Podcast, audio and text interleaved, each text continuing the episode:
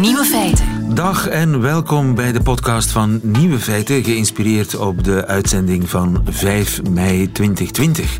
In het nieuws vandaag dat tijdschrift Onze Taal de beste vakantiebestemmingen heeft geselecteerd voor dit jaar.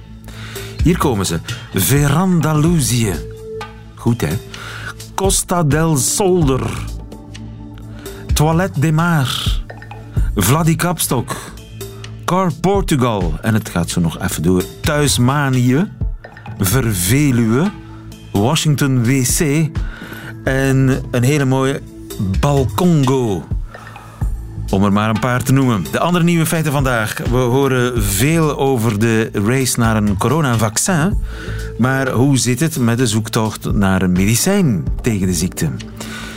Op het Wereldcongres voor Veelpootkunde, dat bestaat dus, zijn tien nieuwe soorten duizendpoten voorgesteld. De kledingssector zit op een berg van beige. Nico Dijkshoorn houdt het middagjournaal bij en Hugo Matthijssen skypt met Cas Goossens in de Itigemse corona-chroniek. Veel plezier. Luisteraars van Radio 1, welkom bij de Itigemse coronakliniek. De Hugo C. Dag meneer Goossens, Eh, hoe gaat dat? Ja, goed met dat. Alleen, ja, eh, ik heb een beetje koppijn, maar dat komt wel goed, dat komt wel goed. Oei, u bent toch niet ziek aan het worden? Nee, nee, manneke, nee, nee, dat komt eigenlijk zo. Ja? Gisteravond stond ik in mijn hof naar de ondergaande zon te kijken. Ja, wat anders. Je kunt s'avonds moeilijk naar de opkomende zon kijken, met Thijs is verstopt. Ja, ja, en ineens hoor ik een stem vanuit de hof van de Lange Charles. Kende die? Eh, dat is uw buurman. Ja, maar dat was niet zijn stem. Dat was een andere stem en die zei... Charles, het is niet omdat ik dood ben dat ik geen recht van spreken heb. Jij waart niet op mijn begrafenis. Oei, Raar, hè? ja, ja, heel raar. Dat is, ik herkende die stem. Dat was de stem van de Leon. De broer van Lange Charles. Die al 30 jaar dood is met Thijsens. Snapt het? Eh, niet helemaal, zat Charles tegen zichzelf te praten. Absoluut niet met Thijsens. Ik keek over de haag en daar zat Lange Charles aan een tafeltje vol bierglazen en wat rauwe patatten. Ja. En aan de overkant van dat tafeltje met Thijsens Ja? zat een schim. Een schim. Ja, ik herkende die schim direct. Ja? Dat was Wale de Leon. Maar dan half doorschijnend in mijn lang wit haar. Met Thijsens.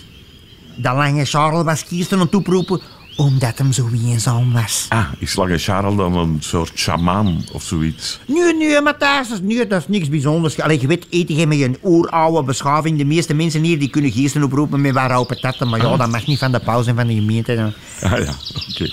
Maar dat Charles, die was zo eenzaam dat hij niet de verleiding kon weerstaan. Ik had met die Charles te doen met Thijsens. Ja, ja. Dus ik riep over de haag aan, daar zit de Charles en mek erbij komen zitten. Mhm. En de Charles die riep, ja maar natuurlijk, Cas, zit dat erbij. En onze Leon die is hier ook, je kent hem toch nog in mijn broer, van vroeger. Maar pas op, die is al 30 jaar dood, hè. Mhm. Oh. En ik zeg, ah, de Leon, dat is lang geleden, hoe is het, manneke? En de Leon zei, oh, goed eigenlijk. Want als je dood bent, dan kun je niet ziek worden of zo, Ja, hè. ja, ja, ja. Enfin, ik zit me erbij op een sociaal dienst en ten teven afstand of zo. Ja. En de Charles die zei, wie zullen we nog bij vragen? Oh. De dikke van Looy misschien? en Janneke van de Frit.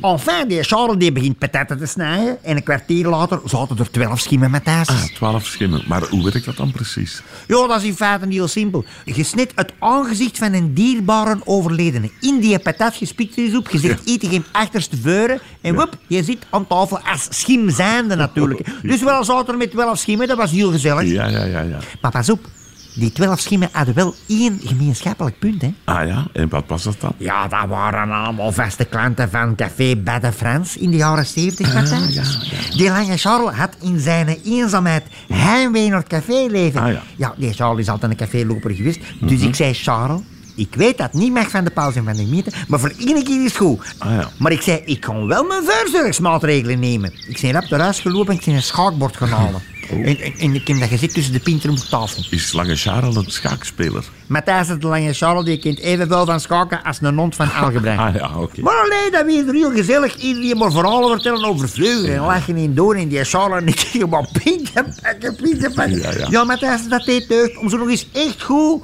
op café te kunnen gaan. Ja, dat zal wel. Maar toen zei de Charles, mannen, er ontbreekt hier nog iemand. Ah, En dan begon die Charles ineens weer in een patat een kop te snijden. Een mij bekende kop. En ook een mij bekend voorwerp. Oh, Die spikt er eens op. Die zegt eten hem achterste beuren.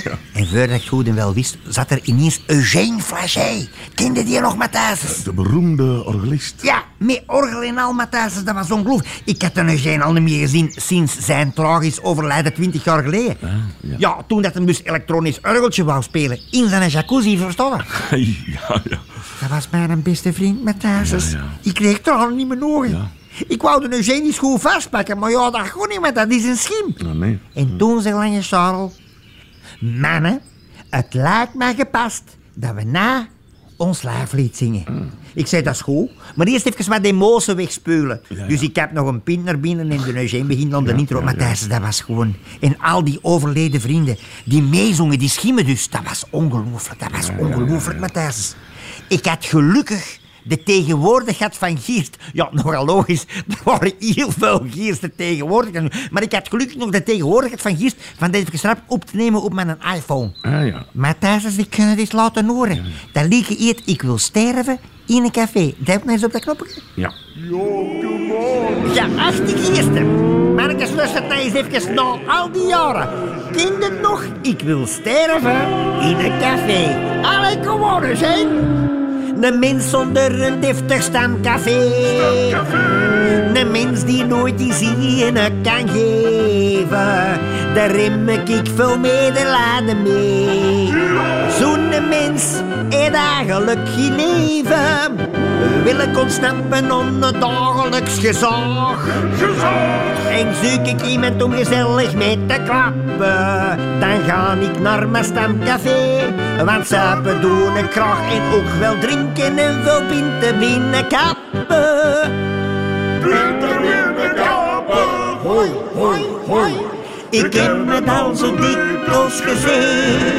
Als ik moet sterven, dan liefst in een café. Als ik moet sterven, dan liefst in een café. Zo'n overlaaien is een schitterend idee.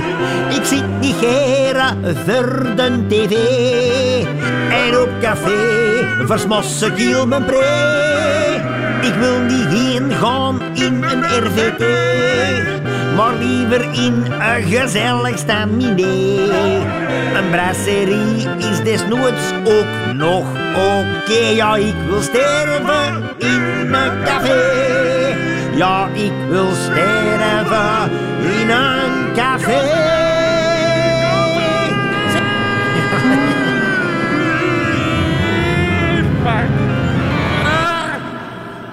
Schoon in mijn thuis. Heel mooi, meneer Goossens. Ja, pas op, dus die Eugène zo doet als een pier, maar wel de sterren van de hemel spelen. Ja, ja, ja, absoluut. Maar dat was natuurlijk met al die schimmen en zo gezellig samen zijn en zingen in de nacht. Ja, Ja, dat maakt natuurlijk heel veel lawaai. hè. Ja, ja. Allee, ineens ja. stond de politie er. Ah, ja. Die giersten allemaal voetsie. Ja. Want doe het zijn dus al lelijk genoeg. Als je er nog een boete bovenop krijgt, dat wilde niet meemaken natuurlijk. Nee, nee, dat nee. verstaat, hè. Dus die politie zegt, wat is dat hier allemaal? Ik zeg, ja, wel, we zitten hier met ons tweeën op een sociaal gedistilleerde afstand. Mag dat of mag dat niet? ja. Nee, dat mag niet, zegt die politie. Ik zeg, ja, dat mag wel. Want we doen ons sport, we zitten niet te schaken. Verstoppen, dat een schaakbord met thuis. Ja, ja, heel slim. Schaken is ook een sport, hè, pas op. Ah, ja. En dan hebben die flikken hun excuses aangeboden en ze waren weg. Ja, Matthijs, dat was een hele schone avond. Ja, ja. Ik heb er nog wat kop aan overgehouden, maar dat was echt een moeite. Want ik ben zo blij dat ik die Eugène nog eens heb gezien. Ja, dat zal wel. Ga, Matthijs, die Ja. Ja, dat heden natuurlijk met al die grote genieën, die kunnen niet praktisch denken, hè. Nee. Ik hoor hem nog zeggen, een elektronisch orgel in een jacuzzi, dat kan geen kwaad. Want jacuzzi-elektriek en orgel-elektriek, dat zijn twee totaal verschillende dingen. Ja, ja. Ja, daar was hij niet van af te brengen, hè, Ja, Matthijs. wel een beetje tragisch. Ja, Ja. maar toch heel schoon herinneringen, Matthijs. Ja, ja. Zeg, manneke, Ja? Hou de eigen goed, hè. Ja, dank u wel. En u ook, meneer Goossens. Tot gauw, manneke. Ja, dat is zeker.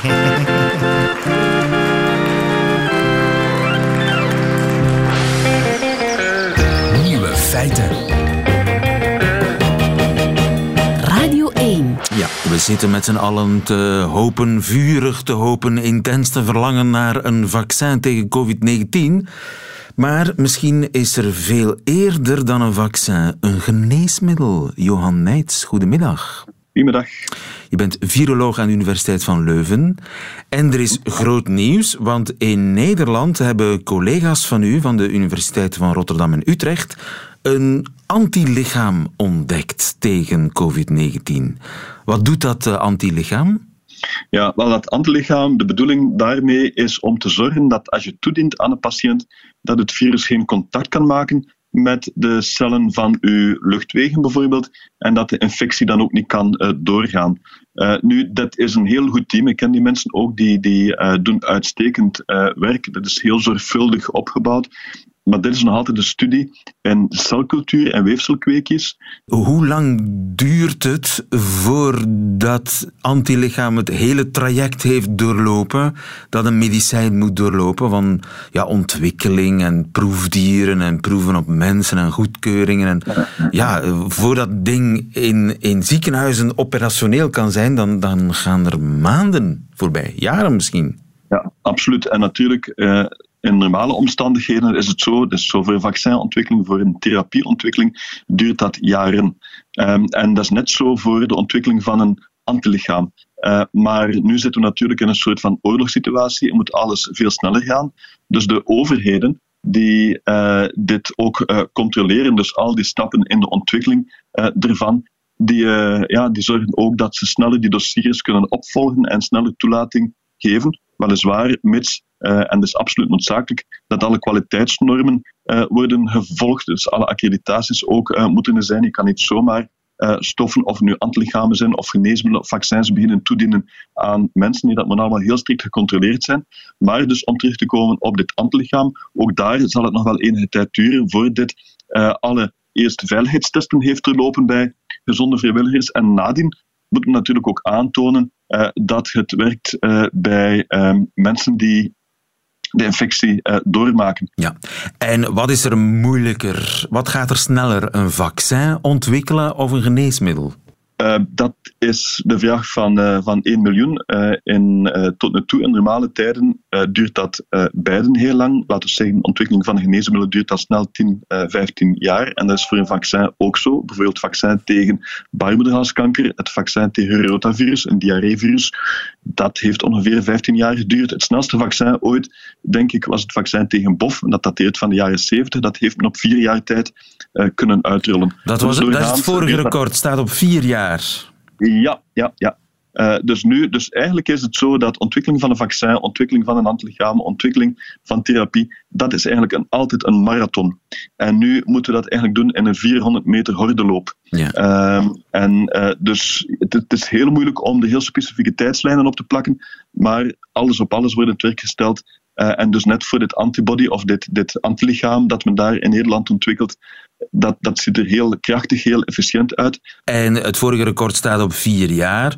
Uh, stel nu dat alle, alle spoedprocedures en expressformules worden gehanteerd en er dag en nacht wordt doorgewerkt door teams over de hele wereld. Hoe snel kan het? Wel, Um, specifiek voor een vaccin, en dat heeft de directeur van de Wereldgezondheidsorganisatie al een paar keer gezegd, zal het wel ergens de, de late lente zomer zijn van 2021 voordat, het, uh, voordat de eerste dosissen van het vaccin uh, er zijn. En natuurlijk, we zijn met meer dan 7 miljard mensen op deze planeet, dus de eerste dosissen zullen nodig zijn van het vaccin, ik heb het over het vaccin, zullen nodig zijn om gezondheidswerkers, artsen en verpleegkundigen, de meest risicovolle uh, patiënten of, of personen, de meest gevoelige personen mee te vaccineren. Dus dat gaat, laten we zeggen, de eerste dosissen, ook dat van, dat is ook de hoop van Janssen Pharmaceutica, ergens in de lente, late lente en de zomer van 2021. Uh, voor uh, antistofjes zoals deze, in Nederland gemaakt of op andere plaatsen, daar heb ik niet zo'n goed zicht op tijdslijnen, maar ik vermoed dat het wel eens ongeveer gelijklopend zou kunnen zijn.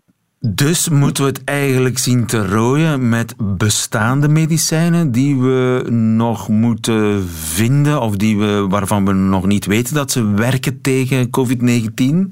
Mhm. Je hoort wel eens uh, iets over remdesivir. Is dat wat? Ja, ik denk dat remdesivir momenteel uh, in pole position, eh, ligt. Excuus. Eh, dit is een middel dat tegen ebola is ontwikkeld door het bedrijf Gilead Sciences, een eh, Amerikaans farmabedrijf. Dat trouwens ook het anti-AIDS-middel dat, dat hier bij ons in het Rega-instituut ooit is ontwikkeld, op de markt heeft gezet en die ter beschikking stelt aan productiekosten in meer dan 100 eh, eh, Ja, en dat is een bestaand medicijn. En, dat en dat dus, is er en dit is al. dit is bestand medicijn tegen ebola. Het is geen medicijn, het is niet goedgekeurd voor ebola. Maar nu blijkt dat dat middel eh, niet alleen tegen ebola werkzaam is, maar ook tegen corona's. En we wisten dat eigenlijk al in 2018, 2019, omdat men toen had aangetoond, ook in proefdieren, die werden geïnfecteerd met het SARS van 2003 of met het MERS-corona van 2012, dat dat ook in die proefdieren bescherming bood. En dus op het ogenblik in China in januari dat men ziet dat het... ehm, dit nieuwe corona de kop opsteekt, is men daar eh, studies beginnen uit te rollen om na te gaan in patiënten die ziek zijn of dat het werkzaam is. Nu, eh, verleden week heeft ehm, Donald Trump eh, in het Witte Huis, en eigenlijk was het Anthony Fauci, het hoofd van het National Institute of Health, van het gezondheidsprogramma van de Verenigde Staten, hebben ehm, de eerste data bekendgemaakt van een studie waarin en mensen die toch behoorlijk ziek waren en die werden behandeld met remdesivir. En daar wordt aangetoond in de studie dat iemand die wordt behandeld met remdesivir, en dat zijn mensen die zuurstof nodig hadden al, eh, die eh, met eh, de scans van de longen wezen duidelijk op aantasting van de longen. Dus daar zag men dat die mensen sneller uit het ziekenhuis werden ontslagen. Nu, dat is een eerste studie. Dat is een studie die placebo gecontroleerd is. Dat is goed. Er zijn meerdere studies onderweg nu ook om ook te bestuderen of dat in mensen die minder fel ziek zijn, dus met matige symptomen, of dat daar ook in werkt.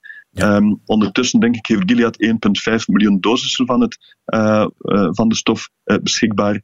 En dus ik ben voorzichtig hoopvol dat remdesivir momenteel onze beste kandidaat is. Ja, ja, en remdesivir moet niet het hele traject nog doorlopen, dat is er al. Dus dat zou vrij snel kunnen, kunnen gaan, remdesivir. Dat andere geval in het UZ in Gent is er een man met succes behandeld eh, met een bloedtransfusie. Kreeg Ja. bloed van iemand die de ziekte al had doorgemaakt, bloed met antilichamen dus. En dat heeft hem gered. Dat is ook een procedure die op dit moment al kan worden toegepast, zij het eh, experimenteel. Ja, en dit is eigenlijk een procedure die min of meer wat te vergelijken is met eh, wat we daarnet vertelden van die antistofjes van de Nederlandse studie. Ja, alleen in dit geval zijn het daar- menselijk gemaakte antistoffen. Absoluut. Dus nu, nu wordt het niet in het labo gemaakt, maar haal je die eigenlijk uit het bloed van iemand die de infectie heeft doorgemaakt. En het gaat, we moeten daar met twee woorden spreken, dus een, een vrij spectaculaire verbetering, of een zeer spectaculaire verbetering van die patiënt die zeer ziek was. Dus ook iemand die zelf geen antistoffen kon aanmaken. Ja, die had een bepaald eh, defect. Ja, die had een immuun, afwijking. immuun, immuun, immuundefect. Dus, maar, eh, en professor Lambrecht heeft me dat ook aan de telefoon zelf verteld hoe dat is gegaan met die patiënt. Dat is vrij spectaculair. Maar eh, we moeten eh, met twee woorden spreken. Het gaat om één geval. We spreken over een case report. Eh, en er worden internationaal ook studies uitgerold om nu na te gaan of dat eh, plasma van mensen die de infectie hebben doorgemaakt, of dat het inderdaad eh, werkzaam is in mensen die, eh, die ziek zijn. Ja, maar mijn conclusie is dat genezen er misschien eerder zal zijn dan een vaccin. Net zoals bij AIDS, waar nog altijd geen vaccin is, bijvoorbeeld. Nee, en dat is, dat is goed dat u eh, HIV-AIDS aanhaalt. We hebben geen vaccin tegen HIV, maar we hebben wel heel efficiënte, heel krachtige remmers eh, tegen HIV. En dus eh, hadden we wat meer tijd gehad, dan hadden we vandaag de dag ook al heel krachtige remmers kunnen hebben tegen corona's. Het is nu niet zo, eh, en dus proberen we met eh, de medicijnen die er zijn, remdesivir op kop, om mensen te, te kunnen behandelen. En moet ik nog eventjes bij vermelden ook dat die aandoening is een soort van een combinatie van een, het virus dat repliceert in de longen, maar anderzijds, dus, en dat moeten we proberen te blokkeren, het remmen van dat virus, met virusremmers. Maar anderzijds eh, gaat dat virus ook het immuunsysteem in de longen eh, opzwepen. En het immuunsysteem bij mensen die heel heftig ziek zijn, gaat in een soort van overdrive. En, en dat kan, en is ook al aangetoond in klinische studies, er zijn bepaalde medicijnen eh, die eh, die overdrive van het immuunsysteem kunnen afremmen en ook een heel gunstig effect hebben op de evolutie van de aandoening bij patiënten. En een derde punt is dat men ook ziet dat eh, in de longen dat er soms bloedklontertjes kunnen ontstaan.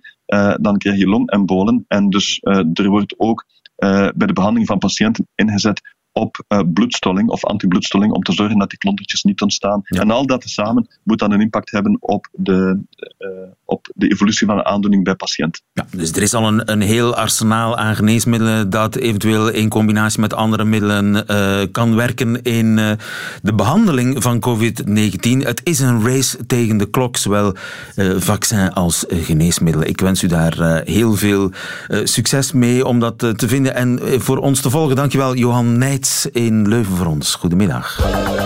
Nieuwe feiten. Nog belangrijk nieuws. Er zijn zeven nieuwe soorten duizendpoten voorgesteld op het Wereldcongres voor Veelpootkunde. Vorig jaar in Budapest. Thierry Bakkeljauw, goedemiddag. Goedemiddag, lieve. Thierry, je bent hoogleraar biologie aan de Universiteit van Antwerpen. Het zoologisch tijdschrift Zoekies wijdt een volledig themanummer aan dat uh, congres voor veelpootkunde vorig jaar in Budapest. Was u daarbij? Ja, ik was er aanwezig en we hebben daar ook, uh, ook tien nieuwe soorten uh, voorgesteld, dus nieuw ontdekte soorten. Ja. Tien zelfs? Ja, ja, ja. ja. En een nieuw genus ook. Uh, dus er zijn nog andere bijdragen geweest waar men ook nieuwe soorten heeft voorgesteld. Hè. Want dat is iets dat heel dikwijls gebeurt. Hè. Dus op jaarbasis worden er nog van talrijke diersoorten nieuwe soorten ontdekt en beschreven. En dus ook bij de veelpotigen. Ja, maar dus dat congres, dat zijn allemaal mensen die gefascineerd zijn door duizendpoten. Ja, dus uh, door me mensen die dus inderdaad gebiologeerd zijn, die gepassioneerd zijn door uh, duizendpoten en miljoenpoten. Hè. Want het merendeel van de, van de, de veelpotigen zijn miljoenpoten. Hè. De duizendpoten zijn een relatieve minderheid. Uh, en ja, je zit daar dus met een kleine honderd mensen die daardoor gebiologeerd zijn ja. en die daar ook een beroep van gemaakt hebben. Ja. Nochtans is dat niet zo'n populair dier. Hè. Ik ken geen hobbyclubs voor liefhebbers van duizendpoten. Eh, nee, dat klopt. Je hebt in, voor veel diergroepen heb je dus verenigingen van mensen die ook in vrije tijd of die professioneel met de, studie van die dieren bezig zijn. Ik denk aan, aan vogels, aan vlinders, vlinderverzamelaars, schelpenverzamelaars, dat soort van verenigingen. Maar voor de duizendpoten en de miljoenpoten bestaat zo geen vereniging. Nee. Is dat ten onrechte? Ik denk het wel, omdat het in feite een, een zeer uh, soortrijke groep is. Hè. Je moet rekenen dat er op dit ogenblik een 12.000 miljoen poten soort gekend zijn en ongeveer een dikke 3000 duizendpootsoorten. Hè. Dus samen de veelpotigen, dat zijn meer dan 15.000 soorten. En, en dus je hebt er in allerlei vormen en maten en gewichten en kleuren. Ja, absoluut. Ze zijn uh, zeer variabel met betrekking tot hun kleurpatroon. Zeker de miljoenpoot zijn prachtige diertjes soms. Uh, en je hebt ze natuurlijk van alle uh, vormen, ook met betrekking tot hun, hun gelijkenis bij andere diergroepen. En bepaalde miljoenpoten lijken op pissebedden en worden daar heel gemakkelijk mee, mee verward. En anderzijds, uh, van, van grootte uh, variëren ze van een paar tiende van een millimeter tot uh, ja, 30, 35 centimeter. en fossiele soorten kent men zelfs van meer dan 2 meter tot 2, 2,5 meter lang. ooit miljoen potigen van 2 meter lang. Overigens, waarom hebben ja. die beesten een miljoen poten nodig? Ja, die hebben natuurlijk geen miljoen poten. Hè. Dat is een beetje sterk overdreven. Uiteindelijk hebben ze, doen ze het met veel minder, maar het blijft nog altijd toch wel een heel respectabel aantal poten. Hoe, hoe, hoeveel poten heeft een miljoen potigen? Wel, de, de, de, op dit ogenblik, de miljoenpoot met het grootste aantal poten is een soort uit Californië en die heeft 750 poten. 750? Uh, 750. Dat en valt de duizendpoten is, ja, het valt een beetje tegen. Maar eigenlijk is het zo dat wij daar in de Nederlandse taal een beetje uh, ja, nogal, hoe zou ik zeggen, een groot spraakkrug over doen. Dus wij spreken over miljoenpoten en duizendpoten. Maar in andere talen uh, gaat men spreken over milpaat, en dat zijn dan onze miljoenpoten, of centipede, dat zijn dan onze duizendpoten. Okay. En die aantallen die zijn natuurlijk dichter bij de realiteit. In het Engels en in het Frans verliezen ze bijna al hun poten. Ja, er, er, is men, ja, er is een iets, zou ik zeggen, realistischer in het iets aantal poten. Dat maar het, blij, het blijft veel, hè? 700 poten? Wel ja, je moet uh, dat voorstellen als je zelf 600 of 750 wat, wat is daar mogelijkerwijs het voordeel van, van 700 poten? Wel, blijkbaar, wanneer men, men doet er veel onderzoek op, onder andere omdat men daar robots wil van maken met ook die, dat zijn een groot aantal poten. En de manier van wandelen, of de manier van rondkruipen, uh, door die vele pootjes kan je op een zeer uh, flexibele manier, op een zeer uh, eh, gemakkelijke manier door een eh, zeer onregelmatige uh, oppervlakte rondkruipen, Ja. kan je je gewicht gemakkelijker verdelen en ben je blijkbaar ook veel soepeler. Dus met andere woorden, daar zit dan een groot voordeel aan. En het is dat voordeel dat men ook wil gebruiken in de robotica. Ja, ja. Bijvoorbeeld om milli-robots te maken, men noemt dat millibots. En die millibots zou men dan willen bijvoorbeeld gebruiken om eh, operaties te gaan, of te helpen bij operaties in, in de darmen, en waar je dus ook een zeer onregelmatig oppervlak hebt, dat niet te veel mag verstoord worden. En door die veel duizenden, of door die vele honderden pootjes, gaat elk pootje maar heel geringe impact hebben op dat oppervlak, en daardoor eh, zou dat een, eh, een groot voordeel zijn. Ja. Overigens, wie heeft er het meeste poten? De duizendpoot of de miljoenpoot? Wel, de miljoenpoot. Hè. De miljoenpoot, uiteraard. Ah ja, toch. Het, woord de- ja, ja, dus de, de duizendpoot met het grootste aantal poten. Op dit ogenblik denk ik dat het record bij de duizendpoten ehm, ongeveer neerkomt op 382 poten. Wat dus al- 300 poten in plaats van duizend. ja, Het is ja. een beetje overdreven. De naam is een beetje overdreven. Het is lang geleden dat ik er een gezien heb. In België komen die nog vaak voor. Ja, ja, ja, zijn uiteindelijk, ja, ja, maar je moet er speciaal naar op zoek gaan meestal. Hè. Dus je gaat eh, in je tuin eh, onder afval, in de compost op, hè, onder bladeren, onder hout. Hè. Ze, gaan dus, ze leiden een zeer verborgen leven. Eh, maar in België hebben we ongeveer een dertigtal soorten van duizendpoten en een vijftigtal soorten eh miljoenpoten. Kijk eens aan, ze zijn niet bedreigd. Wel, ook nee, dat, dat, is, dat is een beetje het probleem. Hè. Eh, doordat ze zo geen charismatische groep zijn en doordat er eigenlijk ook geen echte belangenverenigingen zijn die een beetje opkomen voor de duizendpoten en de miljoenpoten, is het zo dat ze een beetje uit de, ja, de beschermingsbiologie, uit de conservatiebiologie, een beetje ja, over het hoofd worden gezien. En dus En zijn daarom ze is dat dus- eh, lichtjes bedreigd intussen. Wel, het is natuurlijk zo ja, dat een aantal soorten inderdaad bedreigd zijn. Onder andere die soort met haar vele poten, die met de 750 poten, eh, is een soort die maar heel lokaal in eh, Californië voorkomt. Men kent er eigenlijk maar een goede 20, 30 exemplaren van. Eh, en dat is onder andere een soort waarvoor men heel dringend in feite beschermingsmaatregelen zou moeten gaan uitvaardigen. En zo zijn er nog tal van soorten, maar men weet het meestal niet. Ja. En dat was eigenlijk een beetje ook de oproep in het congres, is van om eigenlijk de internationale vereniging van de uh, soortbescherming, de IUCN, eh, om daar dus een, een werkgroep te gaan oprichten, sp- specifiek met de bedoeling om de bescherming van de duizendpoten en de miljoenpoten eh, meer in het daglicht te brengen. Ja, eh, Radio 1 staat als één man achter de duizendpoot en de miljoenpoot. en steunt deze oproep van harte Thierry Bakkeljauw. Dankjewel, goedemiddag. Goedemiddag, graag gedaan. Lieven van den Er Houten. is een groot probleem opgedoken in de kledingsector, namelijk de Beigeberg. Veerle Windels, goedemiddag. Goedemiddag. Je bent modejournaliste en klinkt zeer ernstig, want het probleem is serieus, hè? de Beigeberg. Ik heb wel geen idee wat het is. Jij wel.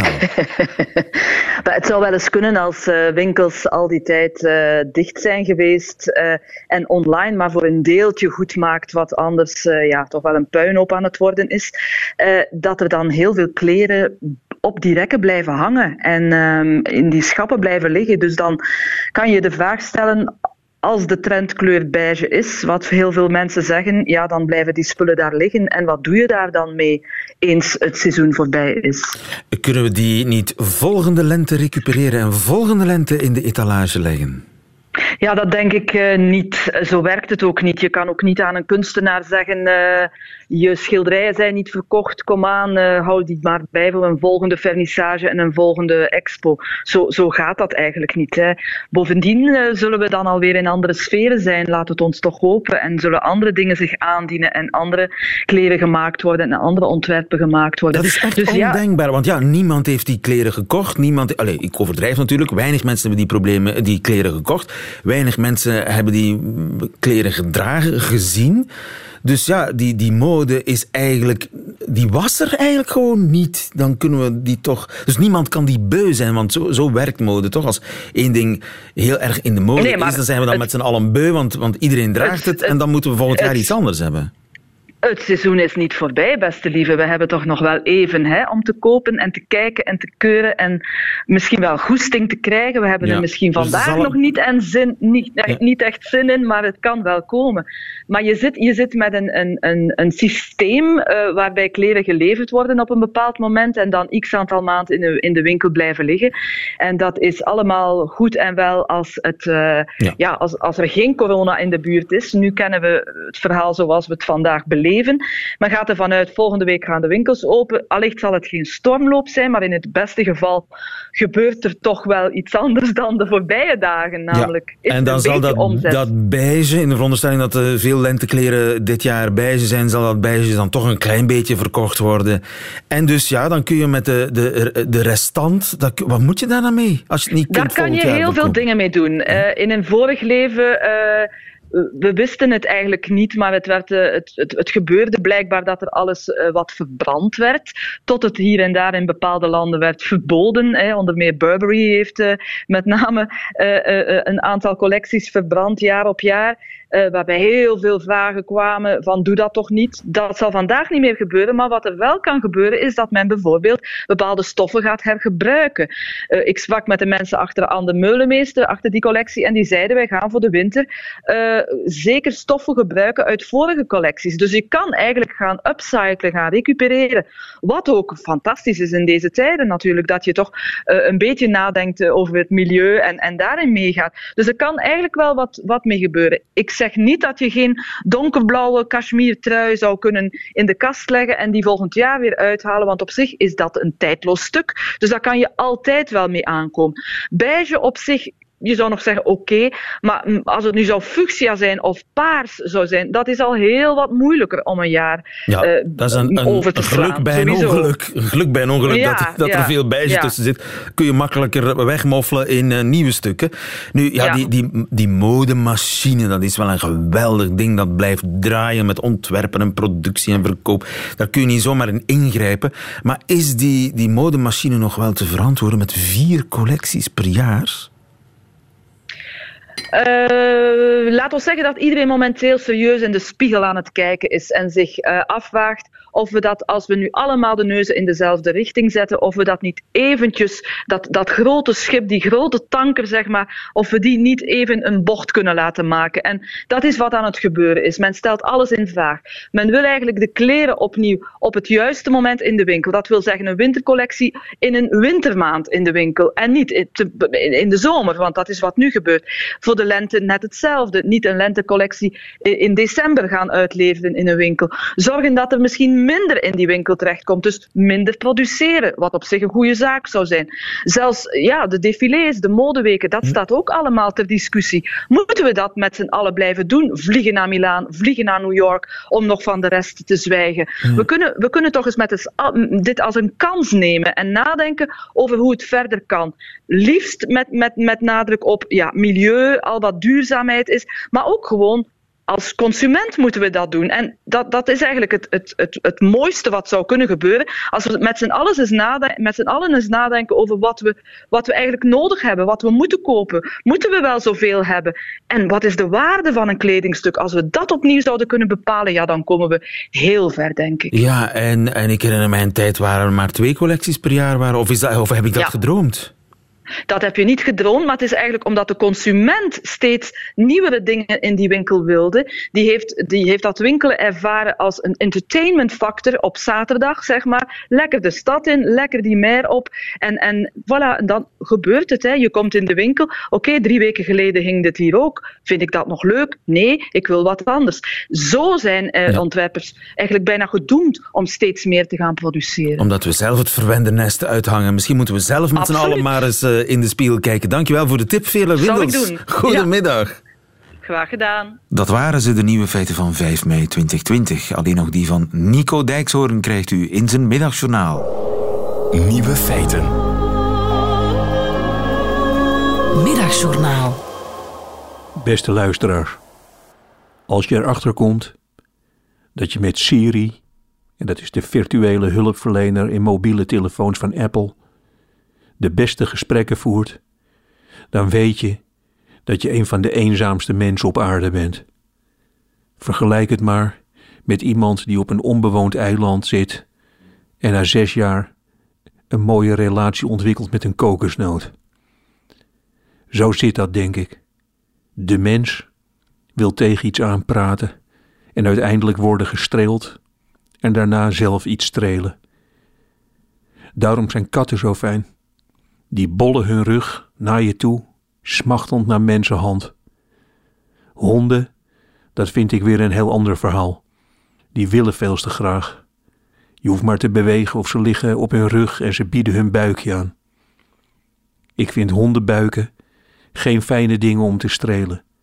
Er zit te weinig haar. Een hondenbuik strelen, dat voelt alsof je een verhouding hebt met 4 kilo varkenscarbonade. Ik streel nog liever het hoofd van een wildvreemde kale man vlak voor me in de bioscoop. Maar goed, Siri, de virtuele hulpverlener.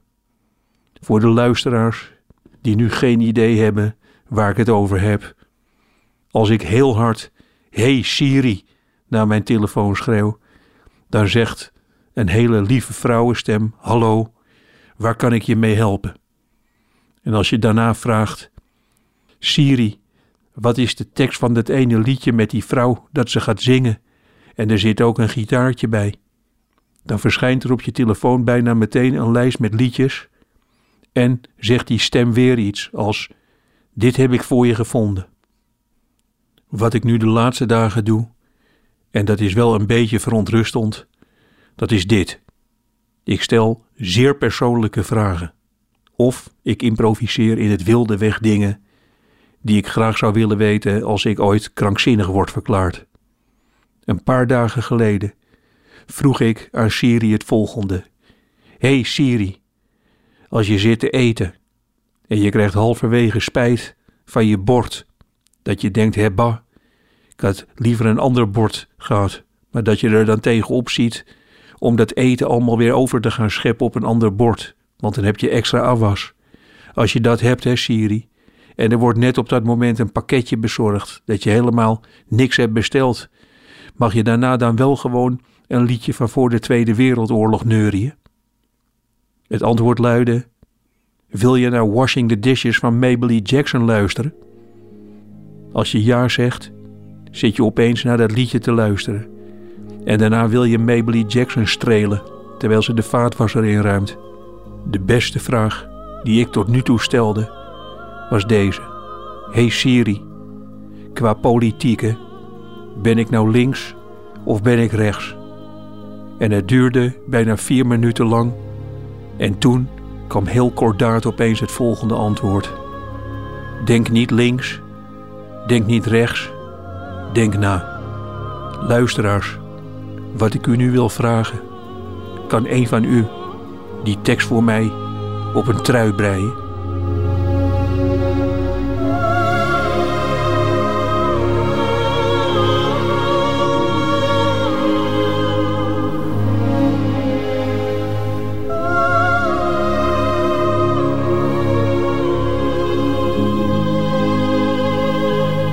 Het middagjournaal met Nico Dijkshoorn. Einde van deze podcast. Hoort u liever de volledige uitzending van Nieuwe Feiten met de muziek erbij?